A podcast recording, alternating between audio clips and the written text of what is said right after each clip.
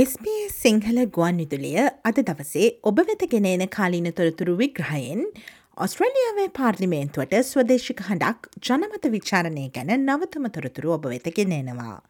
ඔස්ට්‍රලියාවේ ඉන්ඩිජිනස් voice ටු පාලිමන්ට් ජනමත විචාරණය ඔස්ට්‍රලියාවේ මෙතෙක් සිදුවන විශාලතම සිදුවීම ලෙස එළඹෙන ඔක්තෝම්බර්තා හතරවන සෙනසුරාදා පැවැත්වීමට නියමිතයි. මෙහිදී ඔස්ට්‍රලියාවේ ඇබොරිජිනල් සහ ටොරස් සමුද්‍ර සන්ධි දූපත්වාසීන් වෙනුවෙන් පාර්ලිමේන්තු නියෝජනයක් පිහිටුවීම මගින් ඔස්ට්‍රලියාවේ ප්‍රථමවාසීන් පිළිගැනීම සඳහා ආණ්ඩුක්‍රම විවස්ථාව වෙනස් කිරීමට ඔවුන් සහය දෙනවාද නැද්ද යන්න පිළිබඳව ජනතාවගෙන් විමසනු ලබනවා.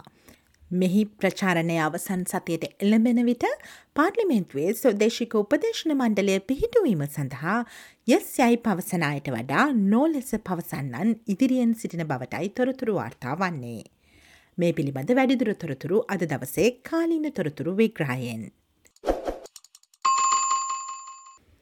එක්දහස් නමසයානු නමයෙන් පසු ඕස්ට්‍රලියාවේ සිදුවන පළමු ජනමත විචාරණය එළඹෙන ඔක්තෝම්බර් දා හතර වන සෙනසුරාදා පැවැත්වෙන අතර එමකින් ඇබොරිජිනල් සහ ටොරස් සමුද්‍ර දූපත් වැසියන්ගේ නියෝජනයක් පාර්ලිමේන්තුව තුළ පිහිටුවීමෙන් ඔස්ට්‍රලියාවේ ප්‍රථමවාසයෙන් රටේ විවස්ථාව මගින් පිළිගැනීම සඳහා ආණ්ඩුක්‍රම විවස්ථාව වෙනස් කිරීමට සහය දෙනවාද නැද්ද යන්න පිළිබඳව ඔවු හෝ නැත ලෙස චන්දය ප්‍රකාශ කරන ලෙස රටේ ජනතාවගේ නිල්ලා සිටිනවා. මේ වන විට ප්‍රචාරක ව්‍යාපාරයේ අවසාන දින කිහිපය තුළ නෝලෙස චන්දය ප්‍රකාශ කරන්නන් වෙනුවෙන් පෙනී සිටිනායට වැඩි සහයෝගයක් ලැබෙන බව හෙළිවී තිබෙනවා. ඔස්ට්‍රලයානු මැතිවරණ කොමිසමේ පැට් කැලනන් පවසන්නේ එළඹෙන සෙනසුරාදා පැවැත්වන ජනමත විචාරණය ඔස්ට්‍රලියාවේ විශාලතම සිදුවීමක් වනු ඇති බවයි. සෑම වසර තුනකටම වරක් ෆෙඩරල් මැතිවරණය සිදු කරන නිසාත් ජනමත විචාරණය ක්‍රියා කරන ආකාරය ඊට බොහෝදුරට සමාන නිසාත් ඔවුන් මේ පිළිබඳව හොඳින් දැනුවත් බව ඔහු පවසනවා. නගරවල මෙන්ම ප්‍රාදේශය ප්‍රදේශවලද විවිධ චන්ද මධ්‍යස්ථාන ඇති අතර චන්ද මධ්‍යස්ථාන වෙත සම්පත් ලබාදීමද ඔවුන් විසින් සිදු කරනු ලබනවා. මේ සඳහා දුරස්ථ චන්දදායක සේවා නමින් දෙයක්ද ඇති අතර එමගින් ඔවුන් මුළු රටපුරාම ගොස් දුරස්ථ ප්‍රජාවන් ඇතුළු සියලු ජනතාව චන්දය ප්‍රකාශ කළ හැකි බවට වග බලාගනු ලබනවා. ඔවුනේ සඳහා බෝට්ටු සැහැල්ලුගුවන් යානා සහ හෙලිකොප්ටර් පවා භාවිතා කරන බව ඔහු කියා සිටියා. It is actually the biggest peacetime logistical event in Australia, so it's absolutely massive. Um, we're well run, well versed at it because we do it every three years for a federal election, and a referendum is pretty similar in how that works. Um, so, as well as resourcing all the different polling places and voting booths across cities and regional areas, we also have a thing called remote voter services. So, we're going out across the entire country and making sure people can cast a vote, including in remote communities. So, that can be quite an effort sometimes. We use boats light planes, helicopters. චන්ද විමසීම අවසන් වූ වහාම චන්ද ගණන් කිරීම ආරම්භ වන නමුත් පැට් කැලනන් පවසන්නේ සෙනසුරාතාරාත්‍රයේ ප්‍රතිඵලයක් ලබාදිය නොහැකිවීමට ඉඩ ඇති බවයි. අවම වශයෙන් මිලියන එකයි දශම දෙක ජනතාවක් තැපැල් චන්ද සඳහා ඉල්ලුම් කර ඇති අතර ඔස්ට්‍රලයානු මැතිවරණ කොමිසමට තැපැල් චන්ද ලැබීමට දින දහතුනක් බලා සිටීමට සිදුවනවා.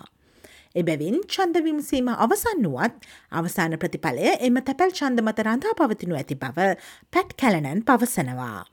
මේ හේතුවෙන් චන්ද විමසීම අවසන් වන රාත්‍රයේම චන්ද ප්‍රතිඵල බලාපොරොත්තු නොවන බවට ඔහු ජනතාවගෙන් ඉල්ලා සිටියා. It's really hard to predict what's going to happen there, but I would say to people be prepared for there, for there to potentially not be a result on the night. Um, The reason why a lot of postal votes can potentially make the result or the count take a little bit longer um, is the fact that we have to wait 13 days by the law um, for all postal votes to come in. So, of course, we're counting throughout that stage, but if it's a really close count, then it might not be clear, the indication result might not be, might not be clear until we actually get all those postal votes. ජනමත විචාරණයක් සාර්ථකවීමට නම් ද්විත්ව බහුතරයක් අවශ්‍ය වනවා. එනම් ජනගහනෙන් බහුතරයක් සහ ප්‍රාන්තවලින් බහුතරයක් ඔවු ලෙස චන්දය ලබාදීම මින් අදහස් කෙරෙනවා. මෙම ජනමත විචාරණය සඳහා සැලකයුතු ද්විත්ව බහුතරයක් හිමියුවද පාර්ලිමේන්තුව තුළ ස්වදේශික නියෝජනය යථාර්ථයක් වීමට වසර ගණනාවක් ගතවිය හැකි බව සිද්නි විශ්වවිද්‍යාලයේ මහචාර ඇන්ටූ මේ පෙන්වා දෙනවා. This might take a while. It could take a year, it could take longer. I would imagine that the Albanese government would want to get it done during this term of office just to make sure that it can complete the pro- project. In the past, establishing other bodies like the High Court of Australia did take a number of years from um, after the point at which the Constitution required them to exist.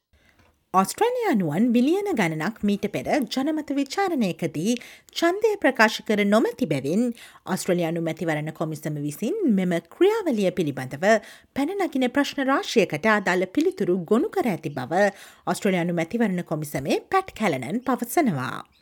සාමාන්‍යයෙන් මෙතරම් කාලයක් ඔස්ට්‍රලියාවේ ජනමත විචාරණයක් නොතිබීම නිසා සැබවින්ම ජනමත විචාරණයක් යැනු කුමක්ද යන්න පිළිබඳව සැබෑ ව්‍යාකූලත්වයක් හෝ ප්‍රශ්න රාශයක් ඇති බව පැට් කැලනන් කියා සිටියා. ජනමත විචාරණයකින් ලැබෙන ප්‍රතිඵලය වෙනස් කිරීමට අවශ්‍ය නම් තවත් ජනමත විචාරණයක්ම පැවැත්වීමට සිදුවනු ඇති අතර එය අනිවාර්ය බව ඔහු පෙන්වා දුන්නා. එබැවින් ජනතාව මීට සහභාගී වී ඡන්දය ප්‍රකාශ කිරීම ඉතා වැදගත් බවත් ඇත්ත වශයෙන්ම එය ෆෙඩරල් මැතිවරණයකට වඩා වෙනස් නොවන බවත් ඔහු පැවසවා. I think that in general, the fact that we haven't had a referendum in so long, there's just a lot of genuine confusion or questions about what actually is a referendum. So, some of the things we've been seeing a lot this year is questions about whether a referendum result is binding. The result is yes. The answer is yes, it is. You'd have to have another referendum to change the result if you wanted on that one.